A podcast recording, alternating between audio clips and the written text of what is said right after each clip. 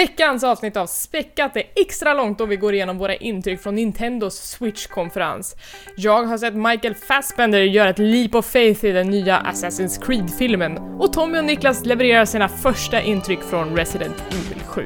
Det här är Späckat!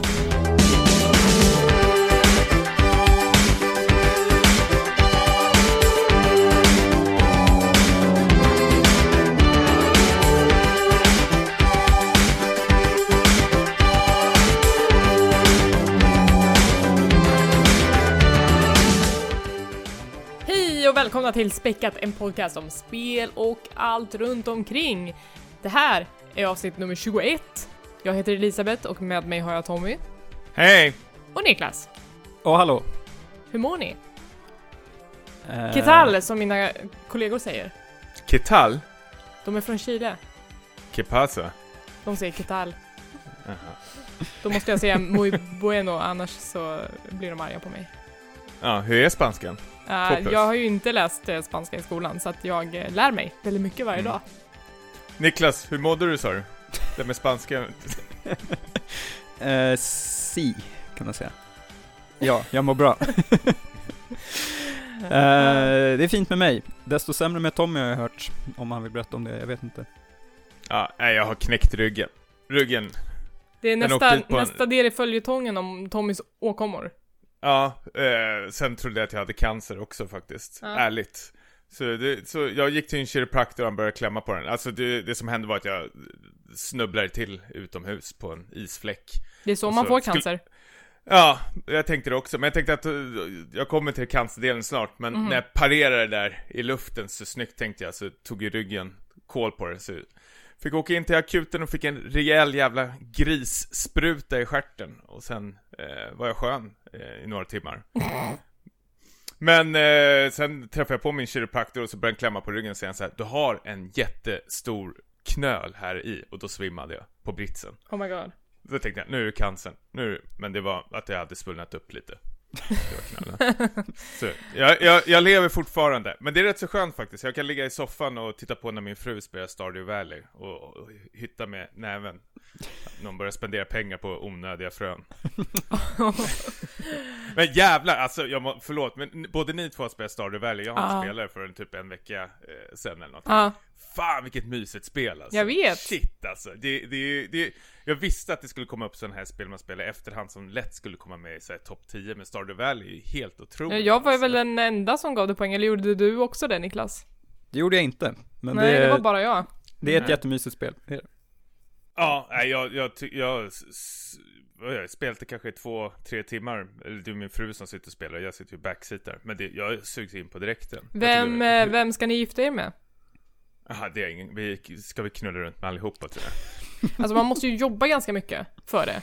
Ja, men det är väl så verkligheten. Ja, men eh, eftersom om man ska sikta på så många som möjligt så kommer det ta extra lång tid. Ja, Så men vi hänger brådska. Jag gillar ju den här uppdateringen som har kommit för att eh, när jag spelade som allra mest kunde man inte romansa han eh, Shane, tror jag han hette. Eh, han, var en, han var deprimerad, han hade lite så här problem med eh, sina känslor om- inför att leva. Eh, men i den senaste uppdateringen så kan man nu romansa honom. Eh, Så att då har jag inte lagt ner allt det där jobbet i onödan. Men det här påminner så otroligt mycket om, förlåt, men Persona-spelen, men det här med att man träffar alla de här personerna och så har de otroligt så välskrivna eh, backstories, många av dem, som gör det intressant att man träffar dem och håller på att prata med dem. Ä- Apropå någon som mår dåligt, det var ju Persona 3 tror jag också, då är det någon som sitter på en parkbänk och är så här döende av någon sjukdom. Det är helt underbart, jag älskar sånt här. Mm, Fem plus. nice. Ja men Stardew Valley har verkligen ett riktigt djup i sig. Ja, så simpelt men ändå så, så jävla bra egentligen. Mm. Sen kan man ju skilja sig med sin eh, partner också. Nej. Kan man göra det Fan. även efter att man har fått barn? det tror jag. Som herregud, vi får fan spela in ett nytt avsnitt alltså. Det här är ju helt sjukt. Och jag har inte, jag har bara rört kontrollen i 10 sekunder kanske. Det ja, ja, ja, helt otroligt. Hur är det med dig Elisabeth? Jo men det är bra. Jag eh, gjorde en ganska stor grej nu i helgen. Jag eh, har nämligen lämnat min post i föreningen Stockholm e-sport. Eh, som jag har varit engagerad i i nästan tre år nu. Eh, Lite så- ut med det, ut med det gamla, in med det nya. Ja men lite så. Dels för att jag har ju ett heltidsjobb nu som tar upp hela min tid. Eh, Men också för att det känns som ett bra tillfälle att lämna över till nästa generation. Vi har liksom uträttat ganska mycket och jag har jobbat ganska hårt med det där. Eh, Och nu så Mm. har vi en ny styrelse som jag tror kommer bli jätte, jättebra. Men vi avslutade liksom ehm, vi som avgick, vi avslutade vår tid med att vi hade en liten Hearthstone-turnering på webbhallen Fridhemsplan dagen innan, eh, som var jätte, jättemysig. Um, då vi försökte kora en deltagare som ska vara Tavern Hero inför de kommande Winter Playoffs. Ehm, så det är ju en del i det stora världsmästerskapet för Hearthstone, men det är liksom en jättelång liga innan dess. Mm.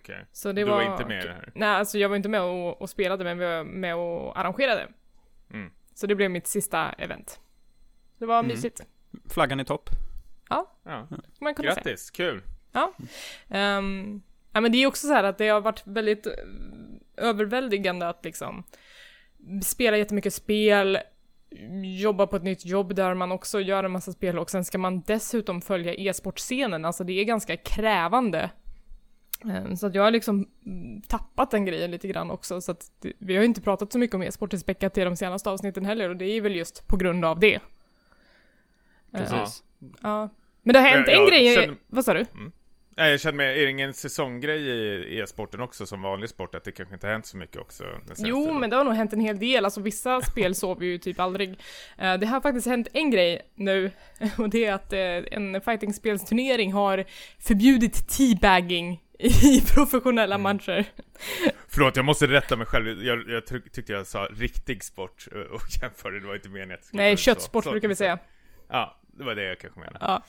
Eh, Men nu är alltså teabagging förbjudet i en turnering, vilket man kan tycka är liksom, ja det här är väl helt i enlighet med gott sportsmannaskap, men eh, folk är upprörda. De tycker att det är en viktig del i det psykologiska spelet mellan spelare. Eh, Det är en väldigt töntig debatt. Ehm, ja, Hur ställer du själv?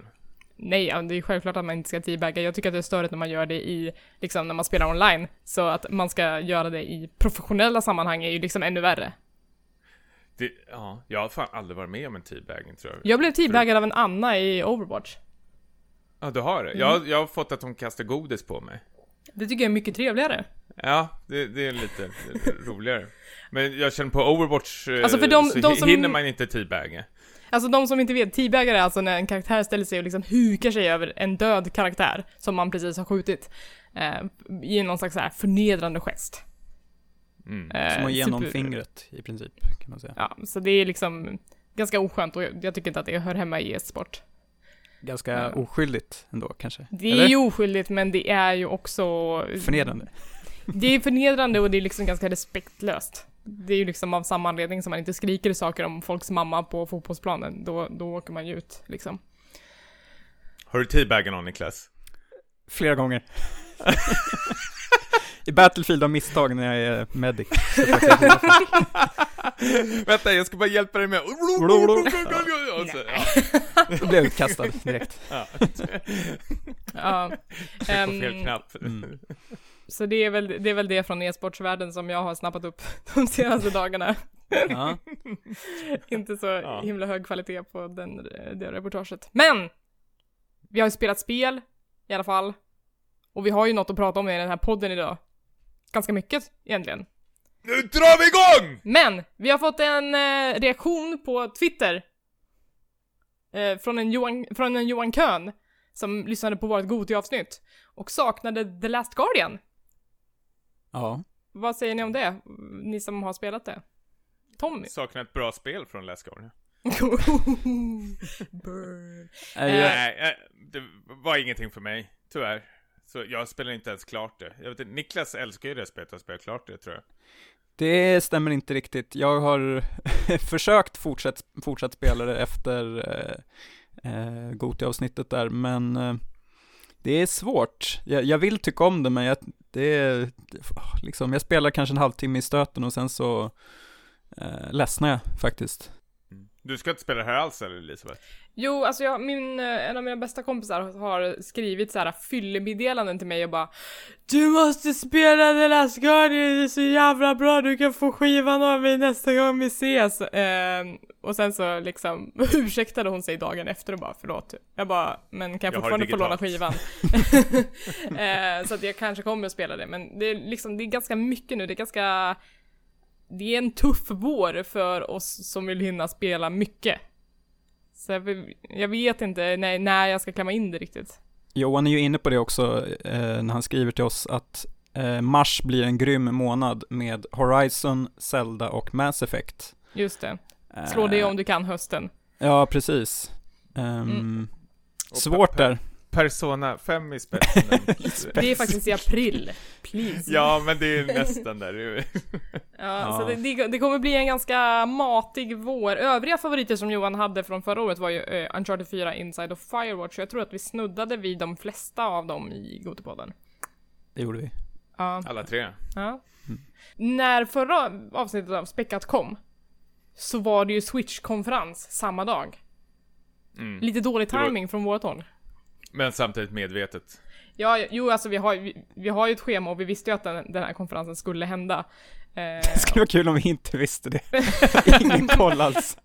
jo, nej men faktiskt Niklas, du, nä- du nämner ju, du nämner ju i förra avsnittet, bara i, idag, när det här avsnittet ja, det släpps. gjorde jag, ja. Eh, Ja, Så att vi, vi visste att det skulle hända.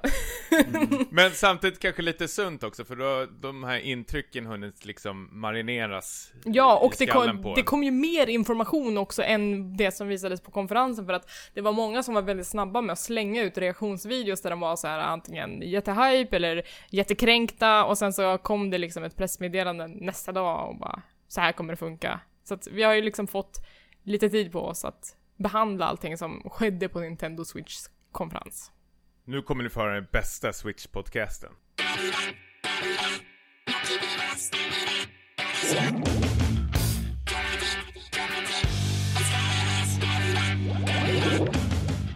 Okej, så det som hände var att Nintendo höll hov i en jättestor arena och visade upp den här konsolen. De visade hur den ser ut, hur den kommer funka, vad det finns för lite tekniska specs och de visade också upp trailers till några av de spelen som kommer följa med den här konsolen, vilket har varit det största frågetecknet egentligen. Kommer den här konsolen ha några värda spel som kommer göra det värt att lägga de tusenlapparna som det faktiskt kostar? Vad, vad, var ska vi börja någonstans? Jag vill fråga direkt, för ni gick ju upp eh, i ottan och kollade på den här konferensen. Eh, Klockan fyra typ. Ja, starkt jobbat. Var, var det en sån katastrof som de flesta verkar ha tyckt i efterhand? Det är ju något väldigt speciellt med japanska presskonferenser jämfört med de västerländska som man ser på kanske E3 och sådär, för de har ju en, en, en helt annan företagskultur. Och för oss så ser det ju ganska stelt ut. Men om man tittar på informationen som förmedlades så är jag ganska, jag tyckte att det var en ganska kompetent konferens. Ja, alltså de var ju inte påkostade om vi jämför med kanske eh, Sonys presskonferens som hade på E3 i fjol. Men samtidigt, det var ingenting jag förväntade mig heller, utan det var mest, jag var mest nyfiken på information här. Vad är det här för någonting och när släpps det och hur mycket kommer kosta och spel och sånt där. Så, och det tycker jag jag fick från den, men sen att den var lite så här löjlig att de skulle Precis som Nintendos konsoler är lite gimmickarter så ska ju de också vara på scenen och säga Let's switch over to och så Ja, varje gång. och någon hostar i publiken. nej men jag tycker att det är ganska gulligt. Jag, jag förstod det som att en initial besvikelse var att man direkt började med det här äh, viftandet, eh, alltså som man trodde var avslutat i och med Wii U. Men att det tog en sån relativt stor plats här, det här att man står och med de här Joy-Con-kontrollerna tror jag det är, och spelar nog pingis med varandra, eller jag vet inte vad man gjorde. Eh, det, det här ARMS var väl ett av de som man styr med hjälp av eh, att röra på joycons. Eh, Ja, just det. och One to switch hade vi också. Ja men just det. Mm. Um, vi kan ju säga att uh, de, det spelet One-Two-Switch som de visade, det kanske vi kan prata om först, att det kommer ju vara uh, det här proof of concept-spelet lite som Wii Sports var när, när Wii kom, att det här är ju en programvara som ska visa hur hur konsolen presterar och hur det funkar med eh, de här rörelsekontrollerna och hur de här vibratorkontrollerna som var typ såhär, du kan känna om det är ett, två eller tre isglas i glaset om du låtsas att kontrollen är ett glas. Ja, Väldigt abstrakt. konstig. Väldigt konstig liknelse. Kan Ja, vara men kul med om man har ett så här bartenderspel sen och ska stå och vifta med glas, eller vadå? Vad Ja, jag ha det vet inte. Men, men eh, det, det, jag tror att man gör fel i om man, att man försöker titta på One Two Switch som en standalone speltitel som ska liksom bära sig själv, utan det, det är ju mer en uppvisning i vad den här konsolen kan göra för någonting. Eh, det är ju alltså en rad minispel som man spelar en mot en. Eh, och det kunde vara allt från att mjölka en ko till att eh, göra någon sån här reflex eh, dra snabbt och skjuta mot varandra. I sån här vilda västern. Alltså vi, vi har väl sett det här förut känner jag väl på direkten. Det, det var väl lite rörelsespel eh, i stort sett. Och jag vet inte, det känns väl inte så jätteintressant och särskilt inte för att det var ett release-spel väl. Nej men som sagt, jag tror inte man ska titta på det som ett spel utan mer som en, en demo egentligen. Fast det verkar ju Ja. vara liksom ett fullprisspel. Jag hade kommer, kunnat... det, kommer det vara så? För att, alltså, Alltså, om här om, om är... vi nu utgår efter webbhallens prislista så är det ett fullprisspel. Sen vet vi inte hur det blir om på release, men det är ju definitivt inget liksom demospel eller någonting som följer med gratis som Nej, du kommer Det få borde betala för det. Men är det sant? Jag trodde att det skulle vara ett sånt som skulle komma med gratis för att, Alltså, det var nog bara en slutsats som jag drog för att det såg så himla okomplett Det- ut. Ja, nej, Nej. det Det är ett spel du måste pröjsa för. Men okej. Det, okej. besvikelser live här i spektret. Ja. Ehm, Hur går vi vidare från det? hur går jag vidare från det här? Jag blev, jag blev helt så här att ni drog undan mattan under mina fötter och bara jaha. 600 spänn på webbhallen står det här. Ja. Ja, det kommer jag ju aldrig betala i hela mitt liv. Ehm, vad visar de upp mer? Om vi, ska vi ta spelen först liksom? Mm. Mm, Arms var ju då någonting som de visade upp som var, verkar vara ett en mot en fightingspel där man då använder sina joycons för att boxa mot varandra, men gimmicken i det här spelet är att karaktärerna har liksom eh, så här långa fjädrar som deras boxningshandskar skjuts ut ifrån. Mm. Eh, Så det tar lite längre tid innan man landar den här smällen, men man kan landa den från ett längre avstånd. Och jag tyckte att det såg ganska ointuitivt ut, att det såg ut att ta liksom för lång tid att få in träffarna, att det inte skulle vara något tempo och fart i det. Men bland recensenterna som har varit och tittat på det på de här visningseventen så har de varit ganska... De har haft ganska kul med det här spelet. Mm. Ja, Vad, vad tror ni? Tror, ja men det är nästan samma sak som One to Switch. Jag tror det är väl kul för stunden, men jag känner på direkten att det här är inget spel som jag känner att jag vill betala för och sitta och, och mysa med i flera timmar. Utan det här är någonting som jag kanske spelar med någon kompis lite snabbt en halvtimme, sen kommer jag nog känna mig så färdig med det. Mm. Så jag tror verkligen att som så här, första snabbt intryck när man bara provar det, visst det är säkert jättekul för, ja, för stunden, men jag tror inte det är Nej, för fan det jag tror är skittrist faktiskt. Plus att man, ja, jag vet, men det är det här med viftandet, jag, jag tycker inte om när, när de säger att jag ska stå upp och liksom göra rörelser med armarna för att liksom den här karaktären man spelar ska göra liksom moves, liksom. När du vrider den, handen så här så kommer det göra en sån attack. Jag, jag orkar inte med sånt. Mm. Jag tycker det är trist faktiskt. Mm. Och sen om vi växlar in på, in på det här spåret med eh, tillbehör till Switch så kommer det ju här krävas att du köper ytterligare ett par sådana här eh, Joycons. Joy-Cons. Och enligt webbhallen, återigen, eh, 900 spän. För ett För- Ja, par. men det kommer, de- det kommer de nog inte kosta. Tror du inte det? Nej. Nej, verkligen De tar i lite i överkant här. Den här Pro-kontrollen eh, kommer väl lätt kosta runt eh, ja, 600-700 kronor tror jag. Och jag har svårt att se de här Joy-kontrollerna kosta mer än Pro-kontrollen faktiskt. Ja, det låter rimligt. Eh, Ja, vi får se. Ehm, men jag tänker ändå, för att kunna ha kul med det här ARMS-spelet så behöver du ju definitivt ett extra par kontroller. Och det Mm. blir, då blir det snabbt en dyr affär tänker jag om vi ska köpa konsol, spel, kontroller.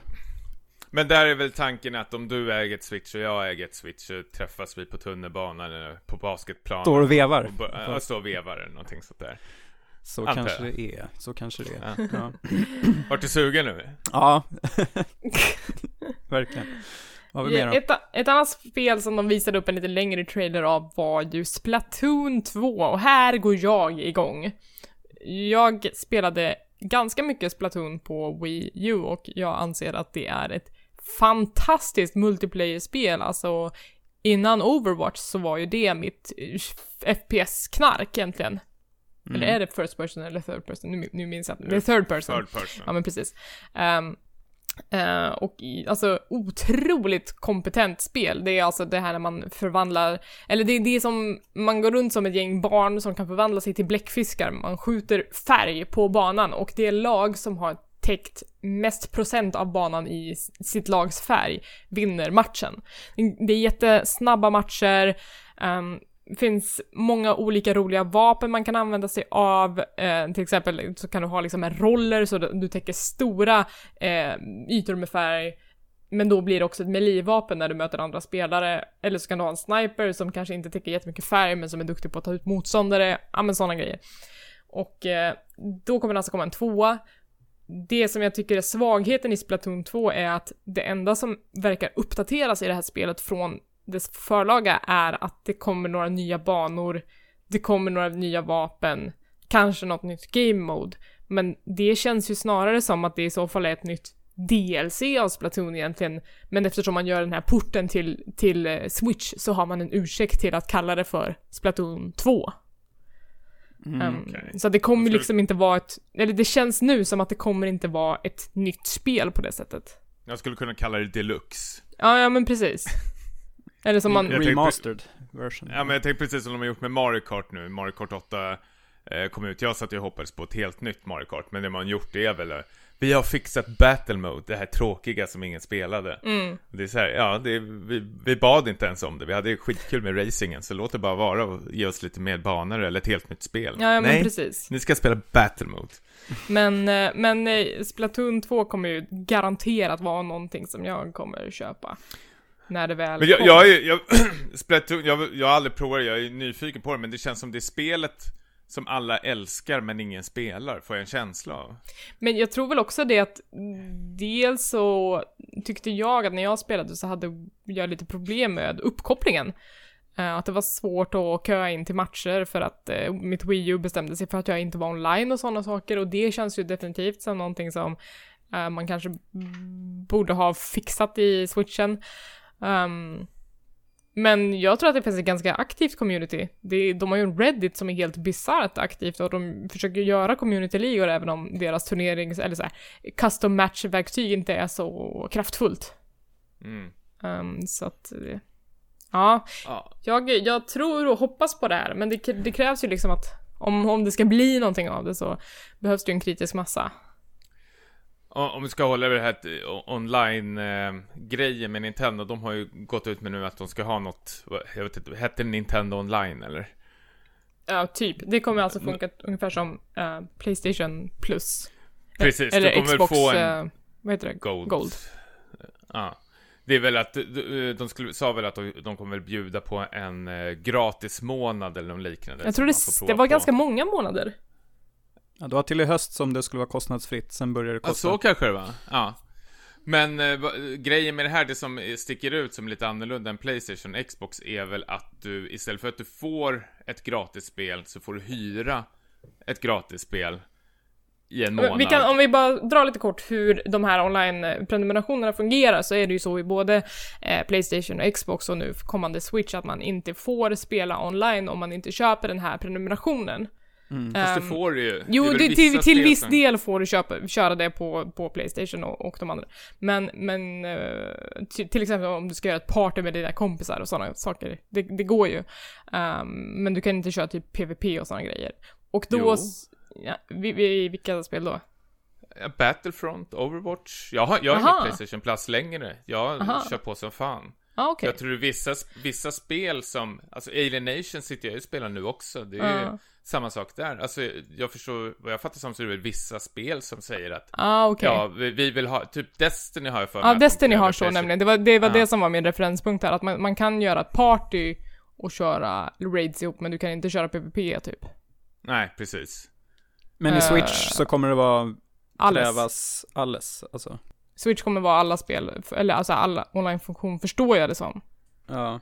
Ja, ingen aning faktiskt. Jag har inte läst någonting om det där förutom det här med att man kommer få hyra spel som sen försvinner efter en månad. Att nu har du fått prova det här. Och, och det, det konstiga där tycker jag är att Medan Playstation Plus och Xbox Gold bjuder väl kanske på sådana här PS3 och PS4-titlar och Xbox One-titlar. Och det är inte bara en titel utan Playstation Plus har ju kanske tre spel du kan dra hem. Ja, minst. Men här är ju liksom, ja, vad var det man skulle få såhär NES och SNES-spel? Ja, alltså, virtual console-spel. Ja, spel som är såhär 20 år gamla. Jag, jag fattar inte, vad är grejen med som det du får egentligen? hyra i en månad och sen blir du av med det. Det Ja. är ju en, en absolut eh, underlägsen tjänst de har pitchat på den här konferensen jämfört med vad deras konkurrenter erbjuder idag. Mm. Det, så mycket står ju klart. Snåla jävlar. Först kräver man pengar av mig, sen så vill de att jag ska hyra, men liksom det är ju samma sak, det, det påminner väl mer om den här andra Playstation-tjänsten, vad heter det? Playstation Now eller vad det är, där du kan liksom hyra spel eller något liknande istället. Mm. Ja, Digitalt. Det är ju i sådana fall mot det hållet de strävar, men det vill jag inte heller. sen verkar det ju vara högst oklart ifall de här uh, virtual cons de, de som har byggt upp ett virtual console-bibliotek eh, under sin Wii U-period, det verkar vara väldigt oklart ifall de kan lyfta över de spelen till Switch eller om de behöver köpa allt på nytt. Det tror jag inte man ska räkna med att man kan. Om Nej, man de har inte sagt något rätt. om det. de säger att vi får se, vi får se. Mm. Bety- vilket betyder att, nej det har vi inte tänkt. Men... Så att jag, det man är rädd för med Splatoon är ju liksom att förutom att man ska köpa spelet för 600 spänn så måste man även betala för en online-prenumeration för att överhuvudtaget kunna spela det. Sen finns det ingen voice chat i Switch heller, tydligen. Nej, Så du måste sitta med din telefon och, de kommer ju fixa en app där du kan prata med dina vänner i voice. Och då blir det så här, varför ska man skapa, eller varför ska man använda den där appen istället för att bara ringa? ja, Va? Men, vänta, det, det här har jag helt och hållet missat. Är det en app i spel, eh, konsolen? nej i telefonen, du får ladda hem. Va? Nej, vänta, vänta. The smartphone app that we're creating that will be part of our online service, we believe is going to be a very compelling part of the overall proposition because that's how you voice chat, that's how you do your matchmaking and create your lobby. Säger eh, Reggie i en intervju med Gamespot.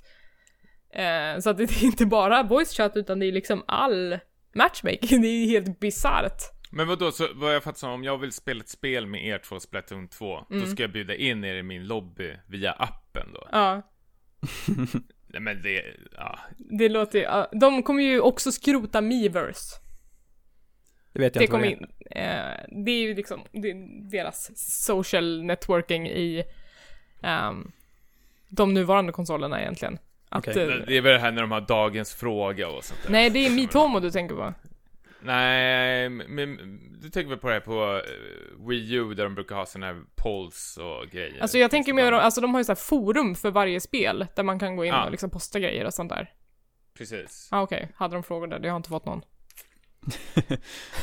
Men överlag så verkar det ju inte som att de satsar så mycket på just, alltså online-delen. Och det här med, De Att- bygger ju en app. ja, det, det är väl bra. De satsar som fan, men det är bara att du inte kommer att kunna spela det liksom på, på Ja. tvn. Nej, precis. Och sen att eh, jag som gillar att köpa spel digitalt, eh, jag kommer ju behöva införskaffa eh, minneskort. För att Ja. eh, switchen har ju, täcker ju bara 32 gigabyte. Det räcker ju inte så himla långt känns det som. Nej, varav liksom em, systemvaran kommer ta upp ganska stor del av det. Det är väl i och för sig, då kan man väl dra den slutsatsen att det kommer inte vara så många så här äh, grafiktunga stora spel som kommer till Switch. För det finns liksom inte utrymme att installera Ja, eller så dem måste ens. man köpa dem på skiva liksom. Ja, det känns väldigt omodernt. För det, det, var någon som, det var någon som hade pratat om, eh, det var någon som hade ett, mm, liksom, Breath of the Wild på en Switch och sa att det här tar upp typ hela minneskortet. Jaha. Eh, det interna.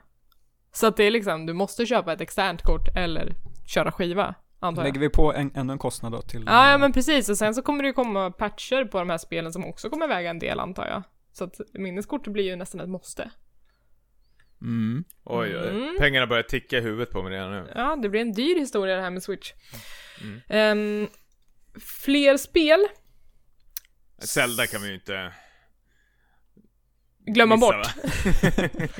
De visade en ny trailer av Zelda Breath of the Wild. Och en jävla massa gameplay också fick vi. Ja, vi fick se Zelda. Hennes design är folk väldigt förtjusta i. Mm. Jag kan tycka att det är lite tråkigt att hon bara typ gråter i trailern. Det är det enda hon gör. Man bara, kan du göra någonting också? Men nej. Ehm, Hon kanske gråter åt eh, Nintendos online-tjänst. hon gråter åt sin, sitt lönekuvert, det bara försvann när switchen kom. Men, det, men det ser ju fortfarande bra ut. Men också att journalisterna som hade varit på plats och, och spelat, de sa att spelet är fortfarande tomt. Det är en öppen värld men det är, är ingenting i den. Ingenting? Nej men inte ingenting men det är liksom, det är lite för mycket few and far between om du fattar vad jag menar. Ja. Att Eh. mm, när man spelar en öppen värld-spel, då vill man ju liksom att man ska stöta på saker hela tiden, att det ska vara intressant att gå runt. Men, men eh, en, ett orosmoment för Zelda som, som har varit ända sedan de visade det på, eh, var det på E3? Mm. Mm. Ja, då eh, är liksom att det har varit lite för tomt. Att det finns ingenting i den här världen som är så stor och fin. Okej.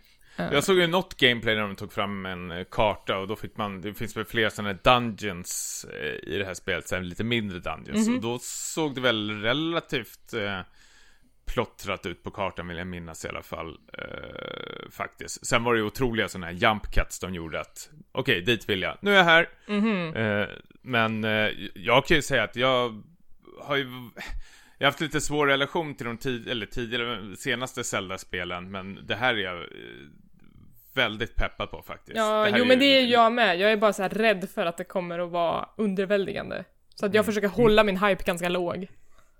Men jag vet inte om jag ska köpa det till Wii U eller Switch. Nej, den eh, frågan är ju inte helt självklar.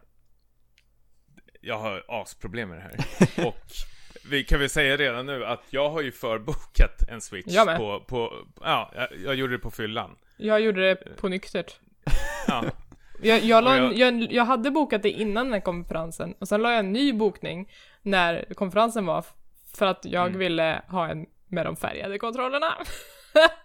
ja precis. Och nu vet jag inte om jag kommer komma med i den första batchen, för att eh, alla återförsäljare säger ju att den, slös, den första batchen med konsoler är fullbokad. Mm. Så att nästa leverans kommer komma senare i mars. Ja, och det är väl helt okej för mig egentligen. Alltså jag börjar alltid tänka, är det värt att köpa sådana här konsoler alltid på release, releasedagen? Nej. Alltså, så som det ser ut nu. Det, vi, vi ska inte, det är inte bara Nintendo det här handlar om, utan det gäller ju även Xbox och Playstation 4 också. Ja. Jag köpte ju Playstation 4 på releasedagen och Playstation 3. Och jag kommer ihåg båda gångerna tog hem det så var det så här, jaha, Mm. va, vad ska jag göra nu då? Men det var, jag köpte ju varken Wii U eller Playstation 4 på releasedagen, utan vi köpte det lite senare och, och, och speciellt för Playstation 4, det fanns inte så jävla mycket spel till det heller de första månaderna. Ja, nej, men det var väl Killzone och Resogun, Catherine och sen kom väl Assassin's Creed 4 vill jag väl minnas. Det var några av dem. Och det var inte så jättespännande titlar. Mhm. Black faktiskt. Flag. Just det, det minns jag Ja. att de visade på Comic Con.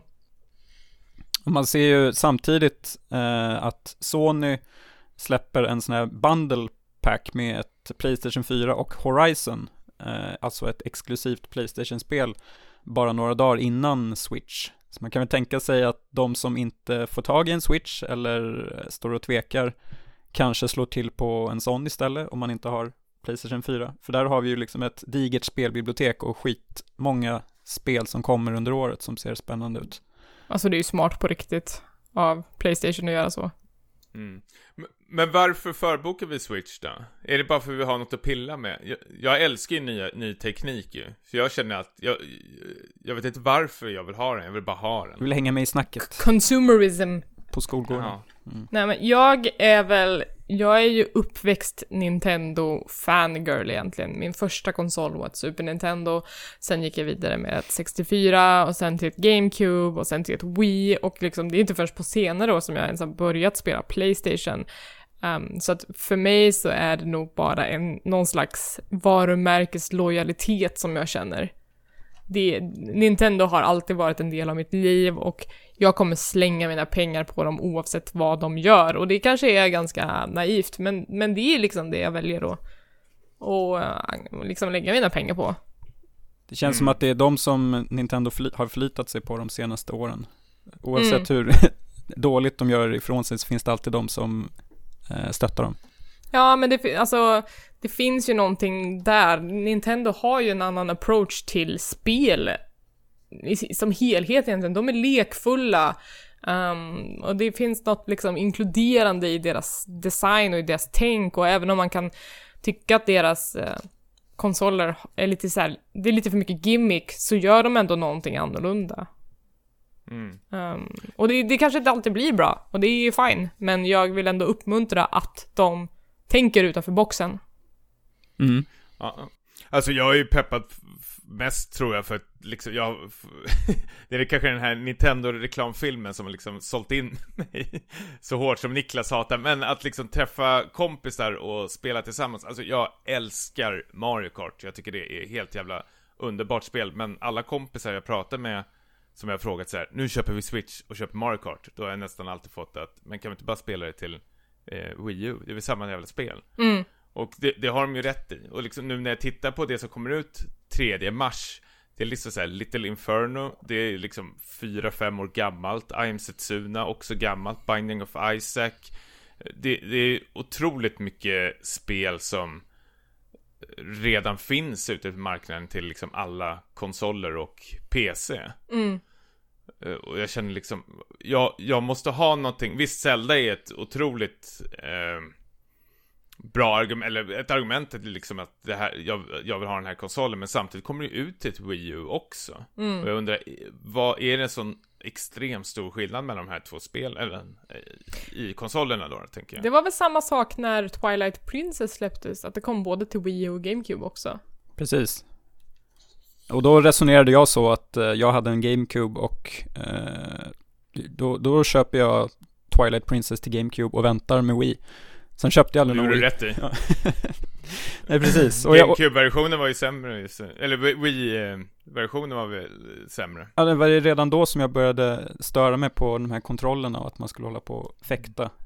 Det mm. såg inte alls kul ut tyckte jag, så jag trodde ju att uh, Switch skulle innebära mer en tillbakagång, tillbakagång till mer klassisk spelkontroll, men i och för sig så kanske båda delarna finns, men nu börjar jag, jag tappade lite pepp när jag såg att det var så mycket fokus på det här viftandet återigen. Um, Just det. Och ja, alltså jag, jag, hade jag haft en Wii U, då hade det inte varit något snack. Då hade jag absolut inte eh, köpt en Switch i dagsläget. Men jag har ju också så förbokat. Jag ska boka mina. ja. ja. Men ett, eh, ett till spel som de annonsade var ju Super Mario Odyssey. Mm. Vad, vad kände ni inför det? Pepp. L larvigt. Men på ett bra sätt, eller? Totala alltså, motpoler. Ja, ja, eh, verkligen, ja, det här vill jag verkligen spela. Det är ju 3D Mario vad jag fattar som. Videon de visar upp, det var ett jävla skämt, tycker jag. Alltså, för, förlåt, men det här är för mycket så här Cartoon Network, Nickelodeon för mig. Att Mario håller på att hoppa hopprep. Eh, vad fan gör han med? Han håller på att dansa med något jävla band. Alltså det är väldigt uncanny att han går runt i liksom den verkliga världen och passar inte in i den alls. ja, eller är det verkliga världen? Ja, alltså det behöver det inte vara. Va, vad heter det? New... New Donk, Donk City? Ja. Haha. så fantasilöst alltså. Men ja, alltså jag tror säkert det är ett skitbra spel. Jag älskar Mario-spelen. Men just videon tyckte jag att det var så här. Äh, åh, oh, gud vad löjligt alltså. Det här är så otroligt jävla barnsligt. Och det kanske var meningen också att det skulle vara det. Men jag hoppas att det spelas bättre än vad det ser ut på den där videon. Jag känner att jag inte vill hålla på och dansa med ett band och hålla på och jassa runt. Jag, eh, det enda Super Mario-spelet som har liksom fångat mig på senare år är ju Super Mario Galaxy, så jag ställer ju typ allting mot det och jag tycker inte att det såg roligare ut än Super Mario Galaxy. Ja, men man såg ju inget Nej, riktigt gameplay. Alltså men det var som att det enda som var nytt i det här spelet var att man kunde hoppa på mössan, som för övrigt lever.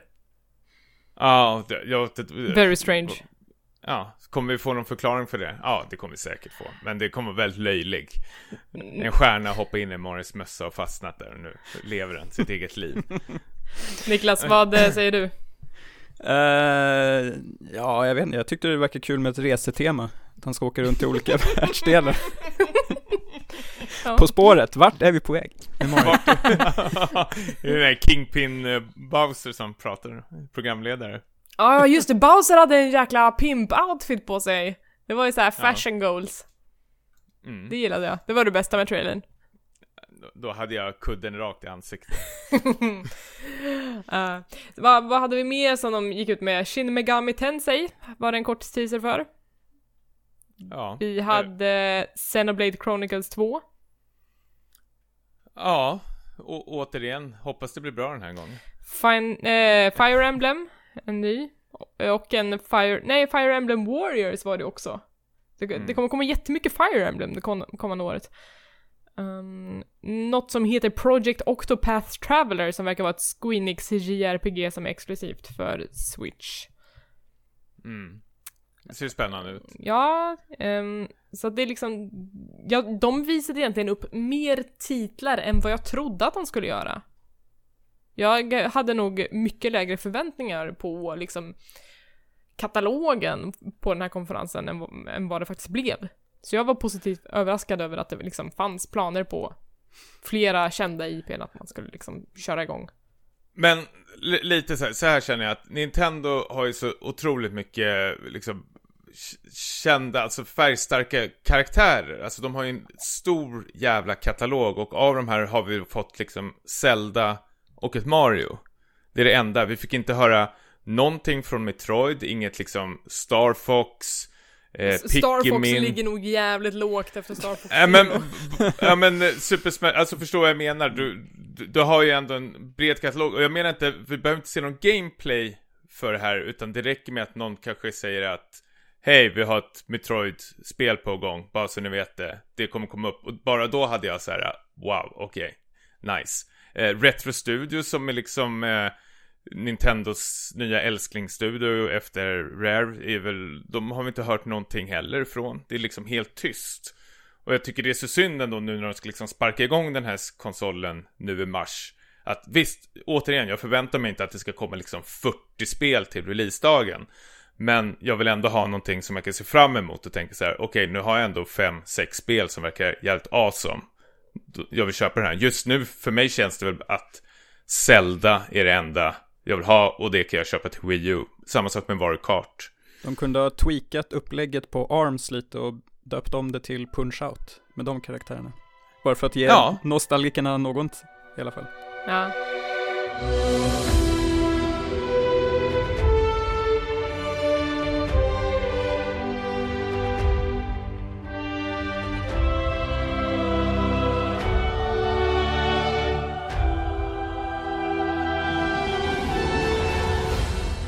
Eh, vi har ju alltid våra listor varje avsnitt, men jag tänkte twerka lite den här... Twerk. Twerk! Sätter min rumpa mot... eh, precis, så jag har gjort en eh, lista, men den här gången är det 10 påståenden Mhm. om Nintendo Switch. Och jag tänkte att vi tre, jag har ju inte facit på det här, jag kommer läsa upp de här 10 påståendena och så får ni säga sant eller falskt. Och sen får vi se i slutet av året, där vi har vår topp 10-lista för 2000... Vilket år är vi på? 17. 17. Det här är ju så otroligt jobbigt när man byter årsskifte Ja. alltså. Så får vi se vem som hade rätt, eh, flest rätt. Och eh, vinnaren får en middag kanske, eller någonting. Jag tycker att vi ska uppmana lyssnarna till att vara med och skriva ner sina svar också. Ja, Måste vi tycker jag. bjuda lyssnarna på middag då också? Nej, vi eller så här, vi kan inte bjuda alla på middag. Men då kanske kan få en liten kram.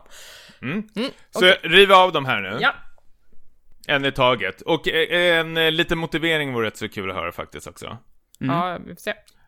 Så det här kommer gälla innan årsskiftet då, då? Ja. Har man på sig om det här ska falla in eller inte. Ja. Påstående nummer ett. Priset kommer att sänkas till minst 2700 kronor innan årsskiftet. Du menar alltså att switchen kommer gå Konsolen. från fullpris och gå ner på rea liksom? Ja. Eller fått nedsatt att mot, pris. mot slutet av året så kommer Switch kosta... Eh, ja, 2,7. Och vad kostar det nu? Ja, Tre och- eller tre och någonting. sex enligt och sex. webbhallen. Ja. Eh, Jag säger falskt. Du tror inte den kommer gå ner till 2,7? Nej. Eh, och jag säger definitivt nej också. Kommer inte göra det. Visst är det så att den här kemikalieskatten eh, inträder från och med första april också och höjer Ja. priset på spelkonsoler bland annat med typ Den, 300 ja, kronor. Precis. Förutsatt att det finns kemikalier i konsolen. Men det gör det ju förmodligen. Ja, Nintendo har säkert lagt in lite i det. Lite Nej men det, jag, jag tror, Wii U låg väl kvar ungefär på samma pris. Alltså de skulle vara otroligt desperata om de gjorde en sån kraftig sänkning, så jag tror, De har gjort det innan tänker jag, det gick ju väldigt bra för dem med 3DSen. ja, Eh, för 3DSen sålde inte alls bra i början och sen sänkte de den otroligt mycket och det vart en eh, dundersuccé. Mhm. och sen höjde de igen. Eh, Nej. så att Tommy, är ditt svar att det här är sant? För du måste ju också sätta. Ja, men jag tror fan den går ner eh, så kraftigt alltså. Mm. Mot slutet av året. Okej. Mario Odyssey blir försenat till 2018. Eh, ja, det tror jag. Eh, jag säger nej. Falskt. Och eh, jag tror självklart att det kommer bli det. Ja, det oroar mig redan att de säger Holiday. Okej. Ja, precis. Känns väldigt brett. Men jag kommer svara olika bara för att vi ska få olika score i slutet av året. Det kommer säkert bli samma ändå när vi räknar upp det. Men vi kör Kanske. på. Mm. Ja. Ett nytt Metroido... Eh, Metroido? Metoroido! där, kom, där kom japanskan. Vackert. Ett nytt Metroido Prime. Nej, ett, ett nytt Metroid-spel eh, utannonseras. Dock inte tillverkat av Retro Studios. Typ som eh, de gjorde det här Other M kom ju till Fy eh, fan, Wii U. vi- kan vi bara inte prata om Other M någonsin? Nej, jag har inte spelat det Det är ett ens. jävla skitspel, okej. Eh, Om Elisabeth börjar. mm, Alltså det här känns ju som önsketänkande. Jag tror inte det. Jag tror inte det heller. Vi, jag fick vill, väl, men jag tror inte det. vi fick väl det här Metroid Force Federation ganska nyligen. Var väl ganska hatat största allmänhet. Så jag tror att, då, precis som Star Fox Zero så ligger de lite lågt med dem nu och innan de har något riktigt bra att presentera. Så just nu så tror ni varken att Mario eller Metroid kommer komma ut i år? Nej. Eller jag tror att Mario kommer komma ut. Du tror det ja. Inte jag. Men på tal om, okej vi fortsätter då. Vad tror du då? Nej, nej men jag, eh, fan. Nej, jag tror inte vi får höra någonting från Metroid. Ingenting. Och då menar jag, det kan vara vad som helst. Ett Metroid Flipper Men- kan det komma. Ja, men det måste vara till Nintendo Switch. Mm. Såklart. Ja. Mm. Retro Studios utannonserar ett helt nytt IP. Och Retro Studios är ju de som har gjort Metroid Prime och eh, det här Donkey Kong Country-spelet, eh, Tropical Freeze heter det väl. Som är otroligt hyllad studio. Ja, jag tror inte att det blir något nytt franchise. Därmed, eller däremot tror jag att de eh, säkert jobbar med någon gammal franchise som de ska försöka uppdatera tillsammans med Ja, Nintendo. för att om man tittar på deras katalog så gör de ju nästan bara licens. Så jag tror inte Mm. att de kommer att komma med ett nytt IP. Ni tror inte de kommer med ett helt nytt IP? Nej. Nej, inte jag heller. Mm. Zelda, konstigt nog, kommer hyllas av oss och recensenter. Men! Mot slutet av året, när vi blickar tillbaka, så kommer vi nog tycka ja, det kanske var rätt så överskattad. Och jag tänker att det hamnar i den här uh, Metal, Gear, uh, Metal Gear Solid 5-grejen som vart... Ja, Metal Gear Solid 5 vart ju otroligt hyllat i början av nästan allihopa, men... Ja, mot slutet av året så var vi folk, folk mest arga. Känner jag. Ja, fast det vann, Eller besvikna. det vann ju väldigt många priser i och för sig. Ja, det känner för att de... sk- Ja. Ja. Jag tror att det, De- jag tror att det kommer bli så här. Ja. ja, du tror att det blir överskattat? Eller liksom ja, folk? Jag tror att vi kommer älska det när det kommer, men sen så kommer vi glömma bort det ganska fort. Nej, jag tror att det kommer att älskas vid start och eh, hyllas som ett av årets bästa spel. Så jag tror inte det här stämmer. Men vad tror du, tror du kommer snackas om det att liksom... Det jag menar är att majoriteten kommer nog säga shit, det kanske inte var så bra det här. Nej, men det tror jag inte. Jag tror folk kommer att säga, fan vad bra det var. Stå fast vid det. Jag står Ja, fast ja. vid det. Eh, Vad tycker du? Nej, men jag, ja, men jag, jag tror nog att eh, folk kommer vända andra kinden till alltså. Det kommer vara iskallt, folk kommer tycka det är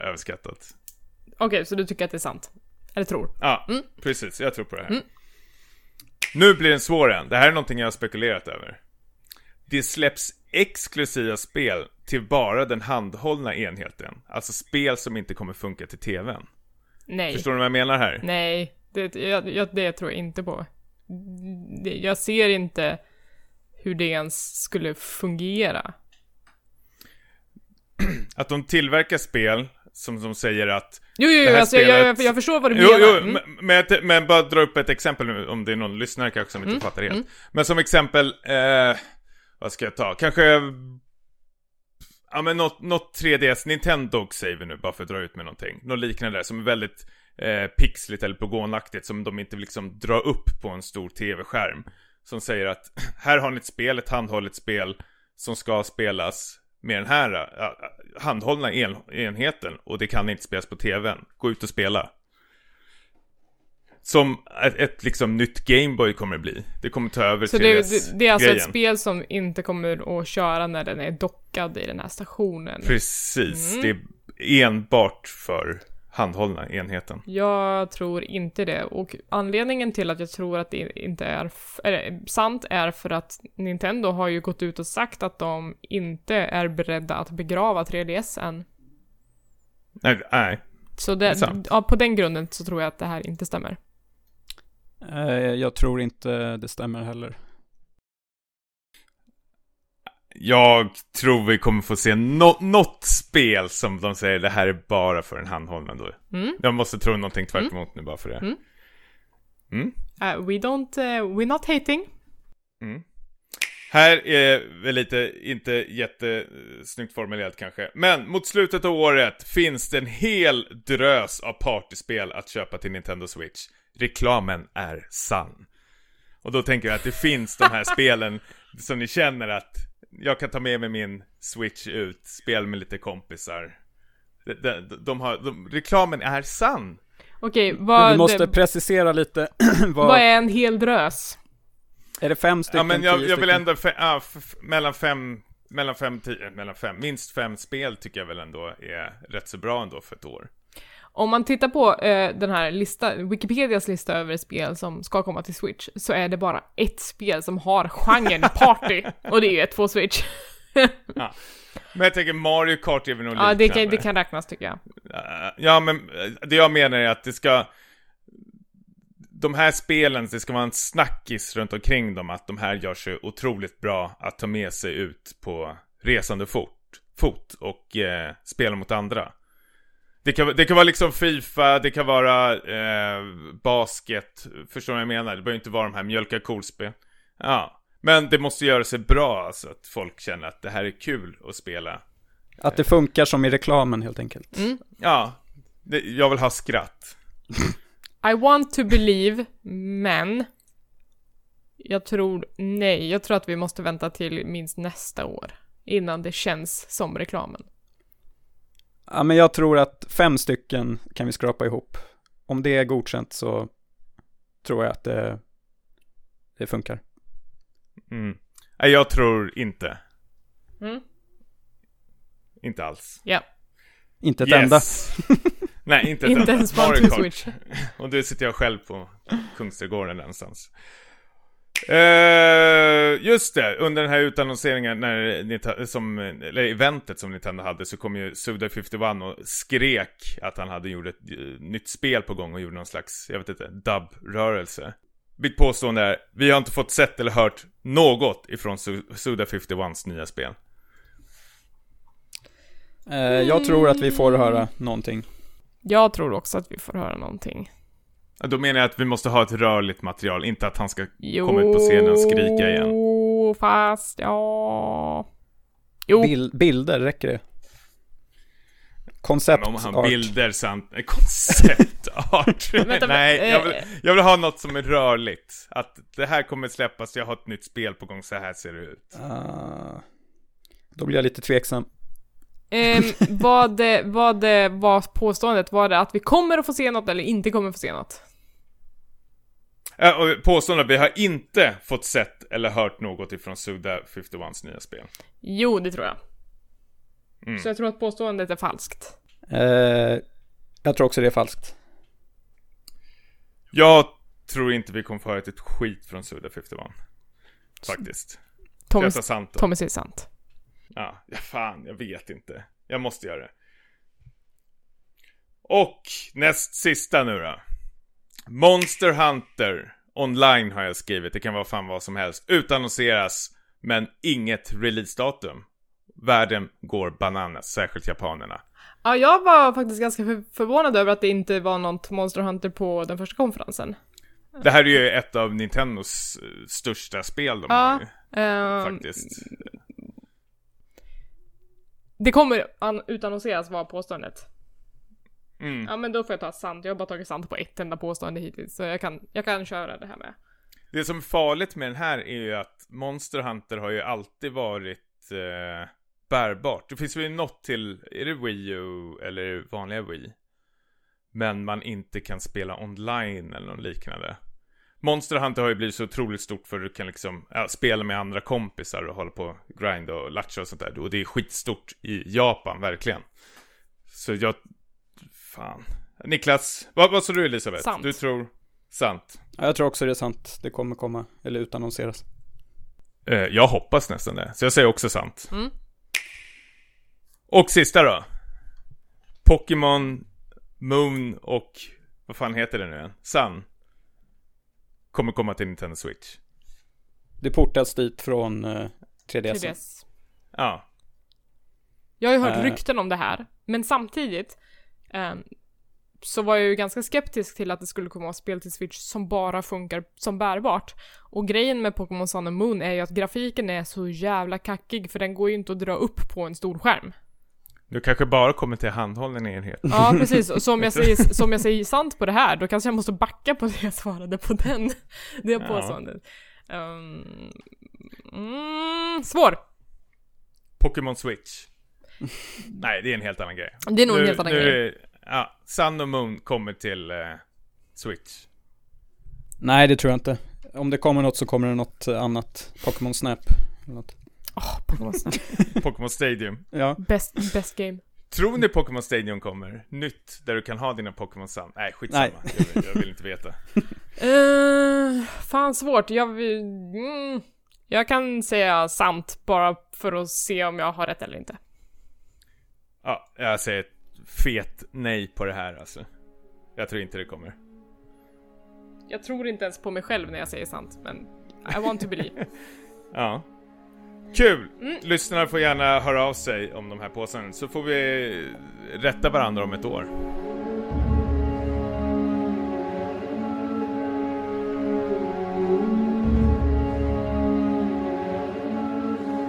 Jag har varit på bio den här veckan. Mm, Ja. Biopodden. Biopodden. Nej, men det är ju, är ju faktiskt ett uppsving i film baserad på tv-spel. Och jag har varit och sett nya Assassin's Creed med Michael Fassassin-Bender. Var det någon ass? Nej, det var inget ass. Ass Creed, som man brukar säga. eh, det här är alltså en filmadaption av den omåttligt populära serien Assassin's Creed som har matats ut om och om igen till bedrövelse av Ubisoft. Det var ett sånt här spel som det kom liksom ett nytt varje år i princip. Eller vartannat, eller hur det nu var. Och roliga buggar. Ett open world-spel som handlar om personer som försöker leta efter information i sitt förflutna. För man kan nämligen minnas eh, saker som personer i ens liksom bakåtliggande genlängd har upplevt. Mycket märkligt. typ ens förfäder eller vadå? Ja men precis. Du kan, du kan liksom hitta minnen som dina förfäder, alltså saker som dina förfäder har upplevt. Eh, och då är, är ju alltid de här huvudkaraktärerna i Assassin's Creed en del av någon slags lönnmördarsällskap som fin- återkommer i olika generationer. Ehm, den här filmen är inte baserat på ett specifikt spel i Assassin's Creed-serien, utan de har dels skrivit en helt ny huvudkaraktär och plotten är lite ihopplockad från flera av spelen. Eh, något som de också gör är att mycket av den här filmen utspelar sig utanför den här, de här minnena som de försöker frammana. Så att det liksom, händer mycket i, den verkliga, i det verkliga livet också. Ehm, så filmen handlar om Callum Lynch, som då spelas av Michael Fassbender. Han... Hans föräldrar dör när han är liten. Och sen så blir det liksom en flash forward till nutid. Han sitter i fängelse, ska dömas till, eller han är dömd till döden och de ska uträtta det här dödsstraffet. Varpå han sedan vaknar upp i någon slags eh, forskningsanläggning och möts av en forskare som spelas av Marion Cotillard, en jättebra skådespelerska som man känner igen från Inception, men jag tycker hon är allra bäst i filmen om Edith Piaf. Eh, och hon berättar då att du har en förfader som vet någonting som vi måste ta reda på, så du måste sätta dig i den här maskinen och eh, återuppleva din förfaders minnen, helt enkelt. Han säger, nu kör vi. Mm. Ja, ja, men nej. Sen är det igång. Ja, sen är det igång, sen är det igång. Då, då kommer han tillbaka till um, Andalusien år 1492. Hans förfader är, eh, svärs in i den här uh, lönnmördarorden och eh, de, det, den här informationen som de vill ha ut är var han gömde The Apple of Eden som innehåller den genetiska kodningen för ehm, människors fria vilja. Och det här, de här forskarna i den här anläggningen, deras mål är att de vill utrota allt våld med hjälp av den här äh, genetiska sekvensen. Så att i princip det de vill göra är att de vill eh, ta ifrån människor deras fria vilja så att de inte kan uträtta något våld. Är det här en återberättning av hela filmen? Eller? Nej, det här är, det här är premissen till filmen. Det här är Känns premissen. som, finns något kvar sen, eller? Sen så, bara, sen, sen så är det en jävla massa actionscener. Och sen så händer det grejer.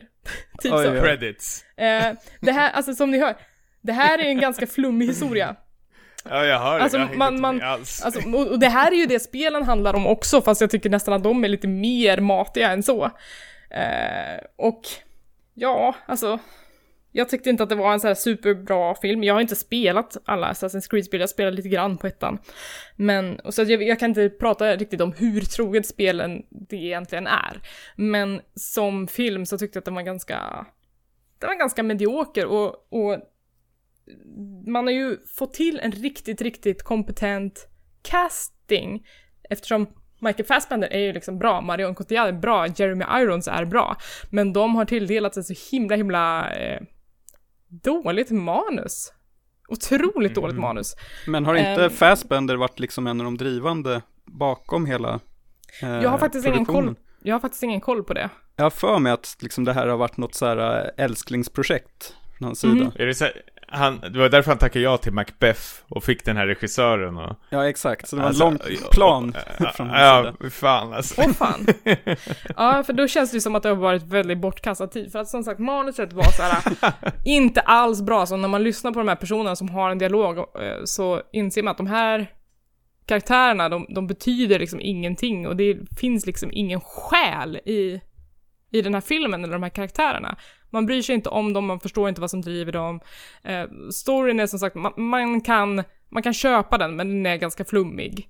Eh, Det som är filmens stora styrka tycker jag väl är dels musiken som är väldigt så här, suggestiv och väldigt stämningsbyggande och att det är rätt schyssta specialeffekter i de här mm, scenerna då man ser hur man går ifrån eh, när han sitter i den där maskinen till minnena som han upplever. Att det, kan, det, det ser liksom ganska fräsigt ut, även om det kanske ser ut att komma tio år för sent. Men, men det, det, är ändå, det är ändå fint.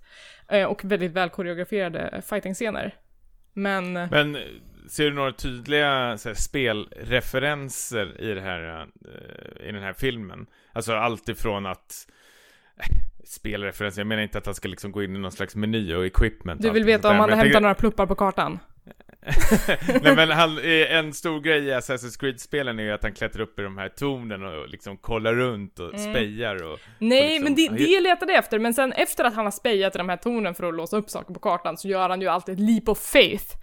Eh, Ja. Och det gjorde han ju i filmen, men, men hela såhär, eh, landar på marken. Nej men hela den här maffiga grejen i att han gjorde ett leap of faith, att det är ju en ganska tuff grej att han hoppar från hög höjd och, och hoppas att han landa, landar på något mjukt, i princip. Eh, är att när forskaren tittar på medan han gör det här så säger de “It's a leap of faith!” Fy fan.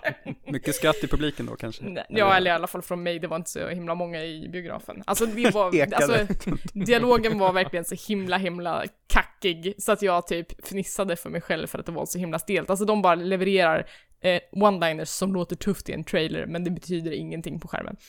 Eh, Så att, Var det, alltså, var det några scener när han tog sig fram genom folkmassor och Ja, jag försiktigt så här, puttade undan människor så här, jag tror det var typ en i början, där man fick den där grejen liksom att mycket Att det, jag, tror fanservice. inte, jag tror inte det var bara han, utan det var liksom när de skulle introducera hela hans eh, crew liksom. Då gjorde de Mm. den där grejen, att de gick in i en folkmassa och infiltrerade den. Ja, Eh, då har de så ju att- fångat spelet. Jo, jo, men, jo, men alltså de har ju absolut fångat eh, känslan i, i alla fall det spelet som jag har spelat, att jag kunde verkligen känna igen mig i stämningen. Och det var ju mycket tack vare till exempel musik och, och hur de har färgsatt filmen och sådär. Men den var ju liksom bara inte så himla bra. Mm. Stod det i slutet någonting eh, liknande? Michael Fassbender will return in.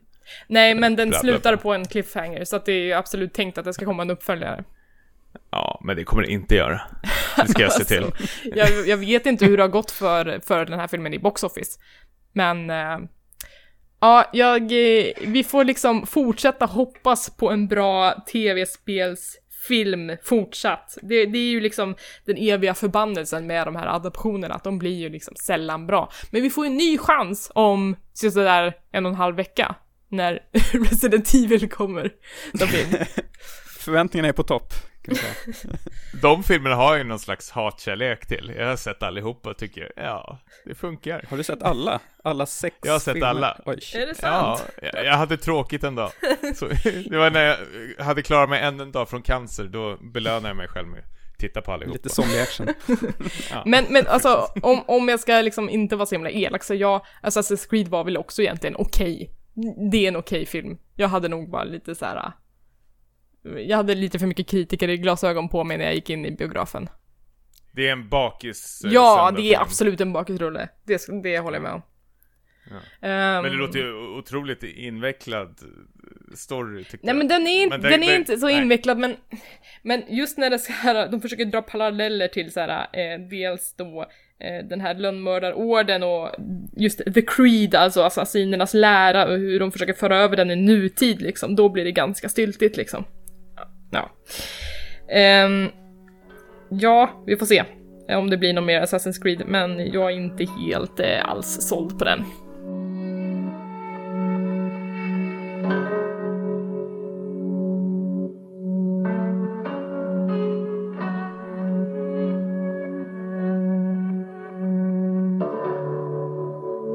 Vi fick lite eh, frågor på Twitter innan vi spelade in det här avsnittet. Mhm.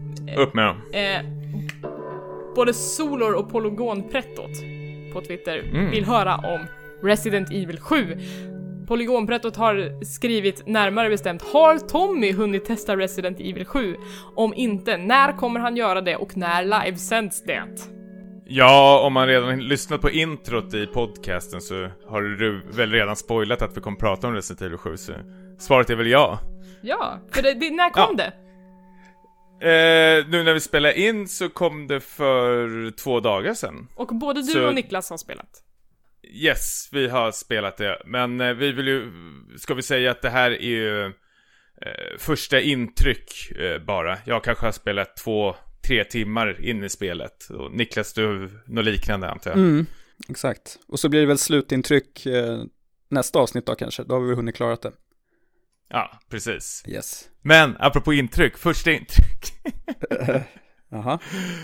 Vad har vi här? Det är ju, det känns ju lite som ett försök till reboot av den här klassiska spelserien eftersom den har ju verkligen gått ner sig i något typ av actionträsk. Jag spelade aldrig sexan. Jag vet att du gjorde det Tommy och du var väl ingen liksom fest direkt? Eller Fem plus.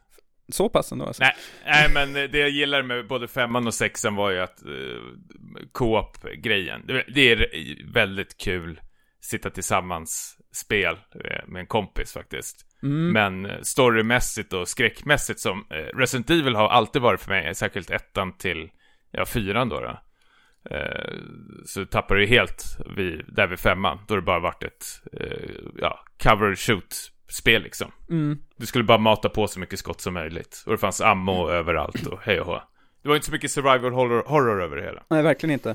Ehm, och nu fick vi ju spela i samband med eh, E3 så släppte de ju en, en demo eh, som då visade upp eh, första persons skräck, lite som det här PT, eh, det här nedlagda Kojima-spelet, eller demot, eller vad det nu var för någonting.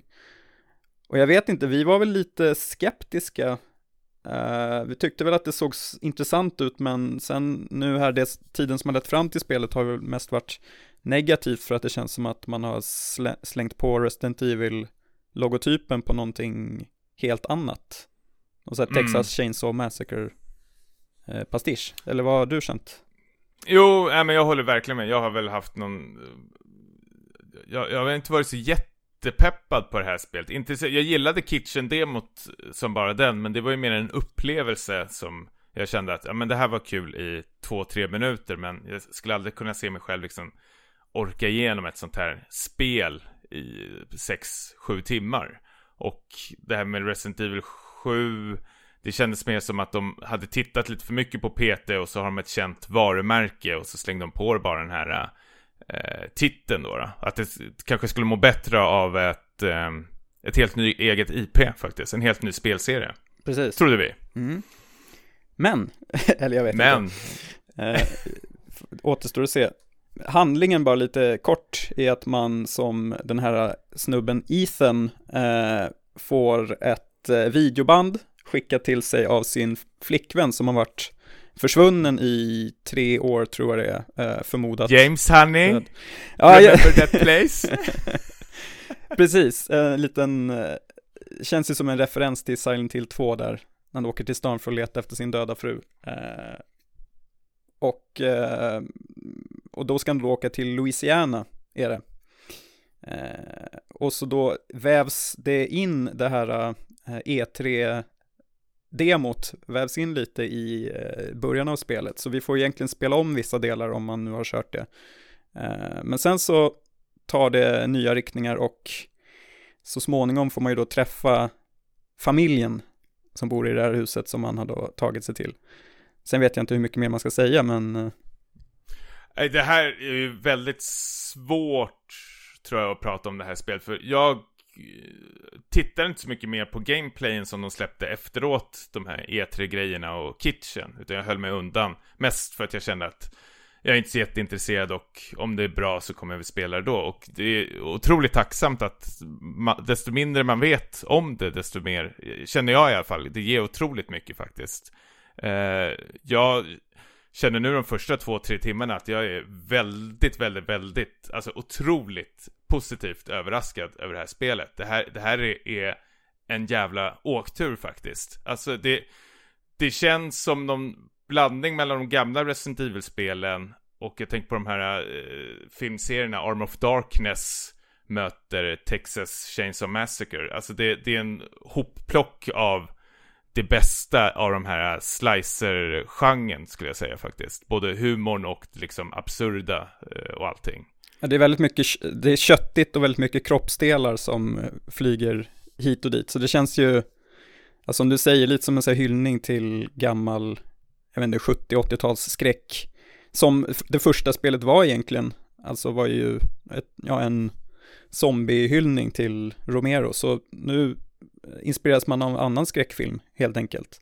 Och det, det passar väldigt, väldigt bra och jag har inte liksom känt, alltså det känns ju inte som, i vissa avseenden inte som ett Resident Evil-spel men ändå tycker jag att de fångar någonting. Sen så har de ju lite referenser här och där till eh, de gamla spelen. Det här med att du, ja, herbs för att hela dig och kistor som du lägger saker i. Men så finns det ju lite eh, saker man hittar eh, runt om i det här stora huset som, eh, som har en koppling till Resident Evil-historien. Och det är också en sån här grej som man inte ska prata för mycket om, för det är rätt roligt att upptäcka och plocka alla de här små eh, ledtrådarna som de har strösslat ut. Ja. Och den största frågan av alla är det läskigt? Ja, jag tycker det är läskigt. Och jag skulle, jag är väl mest nyfiken på att höra hur det här fungerar i VR. som jag vet att du har testat. Ja, eh, det, det, funkar perfekt eh, kan jag ju säga. Det är fem plus upplevelse. Ja, både jag och min fru sitter och spelar här tillsammans. Och då, vi delar på det, och kör omgångar. Men det har ju blivit så otroligt intensivt för oss båda ibland att vi har fått tagit en paus och tagit av headsetet och säga att vi, det går inte att spela mer. Det, det är för det, det, är otroligt mycket cheap scares i det här spelet, men det blir så sjukt kul tycker jag med eh, VR-headsetet på, att det blir liksom rakt eh, in your face nästan. Och jag tycker det lyckas otroligt bra med det. Så jag har ju pendlat faktiskt mellan VR och eh, spel på TV. Jag tycker båda gör sig otroligt bra, men VR gör sig väldigt, väldigt, väldigt bra om det ska bli skitskraj. Eh, Dock, det finns massor med inställningar också till det här VR som du kan, alltså du kan ju välja att gå med högerspaken och titta runt som man gör som vanligt i FPS. Förstår, om du förstår vad jag menar, de här mjuka rörelserna. Men så kan du välja också att om du trycker på högerspaken istället så snurrar gubben runt. Då får man också välja hur många grader, men mellan 30 till 90 grader att man gör sådana här skarpa turns. Och det kan jag rekommendera, det är mycket eh, skönare faktiskt. För jag märkte att spela FPS och gå runt och snurra runt med gubbens huvud samtidigt som ett eget huvud. Man blir väldigt, väldigt, väldigt eh, sjösjuk. faktiskt. ah, yr. Nästan illamående ibland faktiskt. Och jag, det här är första gången jag kände att jag mådde lite illa eh, när jag spelade VR. Men då fick jag bara ställa in de här inställningarna så vart det mycket eh, bättre faktiskt. Och jag brukar ju annars tåla, jag vet inte, jag blir aldrig bilsjuk, bilsjuk eller båtsjuk eller något liknande. Men nu kände jag att det var något sjukt som hände, att karaktärens huvud rörde på sig, men inte mitt eget huvud. Och det var väldigt konstig känsla i mitt huvud. Mm -hmm. Men i alla fall, det, jag har varit med om, som sagt, två, tre timmar in och jag har varit med om sådana otroligt jävla, så här, fem plus upplevelse som jag varit, alltså jag nästan kastade av mig headsetet det är väl bara någon, någon, eh, jag ska inte säga det är en person som jagar mig och då tror jag att jag är säker och har gömt mig i ett rum och stängt dörren och det finns bara en väg in. Men så hör jag massor med ljud utanför när hen håller på och letar efter mig. Och sen blir det tyst och sen hör jag ett jävla brak och så bara rasar den här personen in genom väggen bara några meter ifrån mig och då skriker jag och bara släpper kontrollen. det, det, alltså det var en sån otrolig jävla upplevelse alltså. Så både skräckmässigt och så tycker jag faktiskt det är lite den här Gone Home-känslan att spelet liksom, det, det, är en, det är en bra pacing spel att liksom nu kommer det inte hända så mycket skräck, nu ska du bara utforska det här huset och jag tycker det är väldigt skönt och kul faktiskt att springa runt i det här huset. Det är väldigt lättorienterat och man har ju en karta man kan se runt och var man har varit och var man ska och sånt där. Det är inte, jag har aldrig känt att jag liksom tappar bort mig utan varje rum känns väldigt, väldigt unikt faktiskt. Mm. Så man kommer ju alltid ihåg var man varit och vad man ska till om man ska gå tillbaks och sånt. Precis, man går inte vilse direkt. Det är ju Nej. Bra. Jag tänkt tänk lite på, för i alla fall nu här inledningsvis så är det ju eh, ofta att man, man blir liksom, när de här familjemedlemmarna går runt och letar efter en så är det lite mer att spelet har något gemensamt med eh, typ Alien Isolation kan jag känna, än de tidigare och Resident Evil-spelen. Ja men precis. Um, att det blir något så här stealth-skräckspel.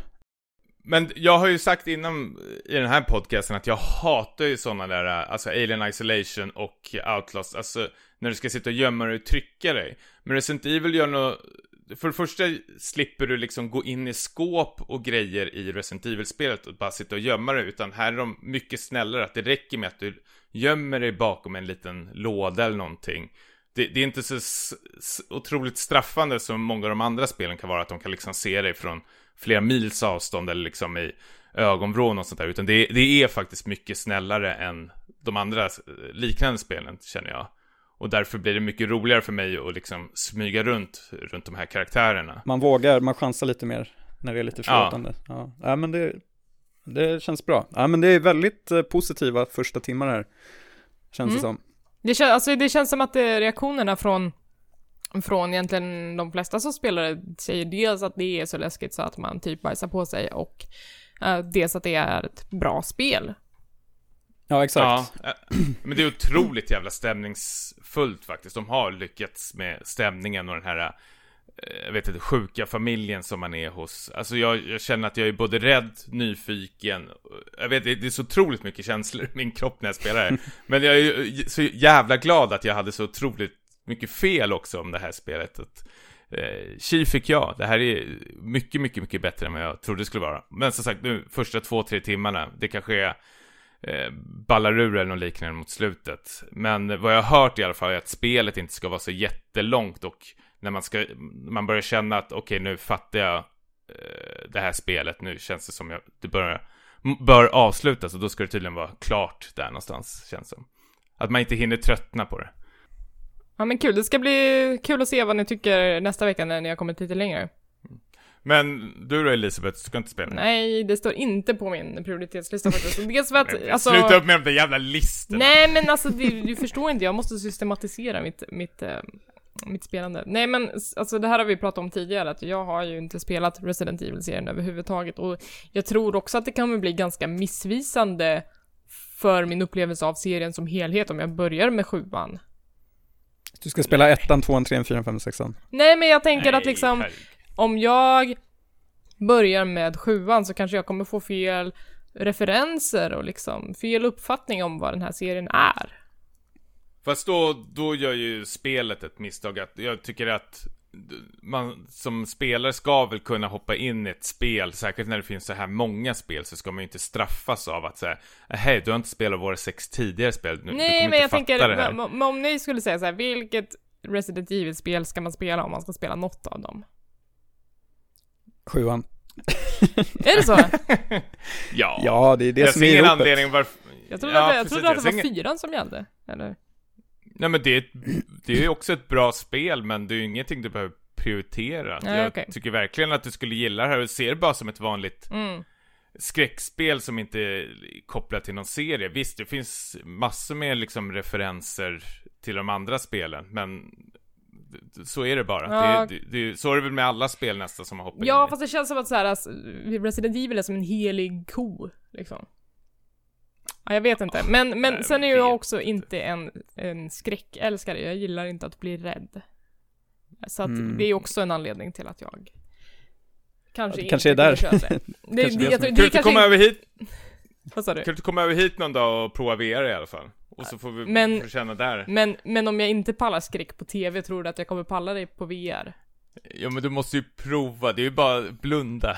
Du kommer filma mig och det kommer inte jag uppskatta. Nej, in, inte om du inte vill det. Nej, ja, nej, mm, där, jag, jag är skeptisk till detta. Alltså, Lyssnare, ni får avgöra. Ska Elisabeth prova VR? Hon får sluta exakt när hon vill. Ja men VR men kan testa, men Resident Evil i VR är en annan historia.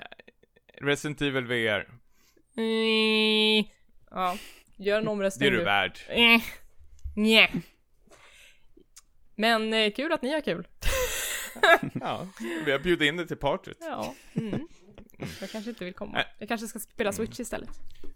Men apropå med fan, Niklas, du är väl ändå Resident Evil-fanet då? Är du nöjd? Eh, du är ju mer fan än vad jag är. Hur känner du? Ja, jag känner ju att eh, serien känns liksom vitaliserad på något sätt. Att jag hade tappat, eh, tappade tålamodet där vid femman någon gång. För det kändes inte, det kändes som att serien hade bara eh, kört i diket. Men nu gör de någonting nytt igen. Nu är de så här nys närmar sig något nyskapande som när de, som när första spelet kom och när fjärde spelet var nytt. Att liksom de nystartar serien på ett bra sätt. Så jag är också väldigt positivt eh, överraskad av detta. Mm. Har du blivit, ja, du är också väldigt känslig mot skräck och hoppar till väldigt mycket. Hur har det gått här då?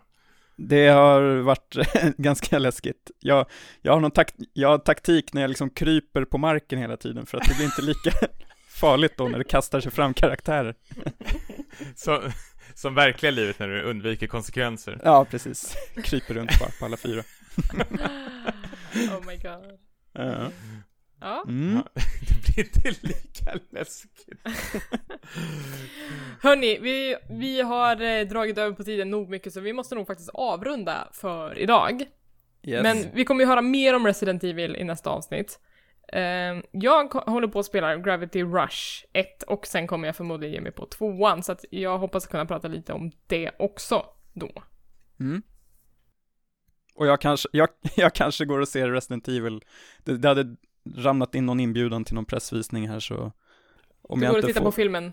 Jag går och tittar på den sista Resident Evil-filmen på IMAX. Det tycker Jag jag, kanske att du ska göra. Mm. Ja, verkligen.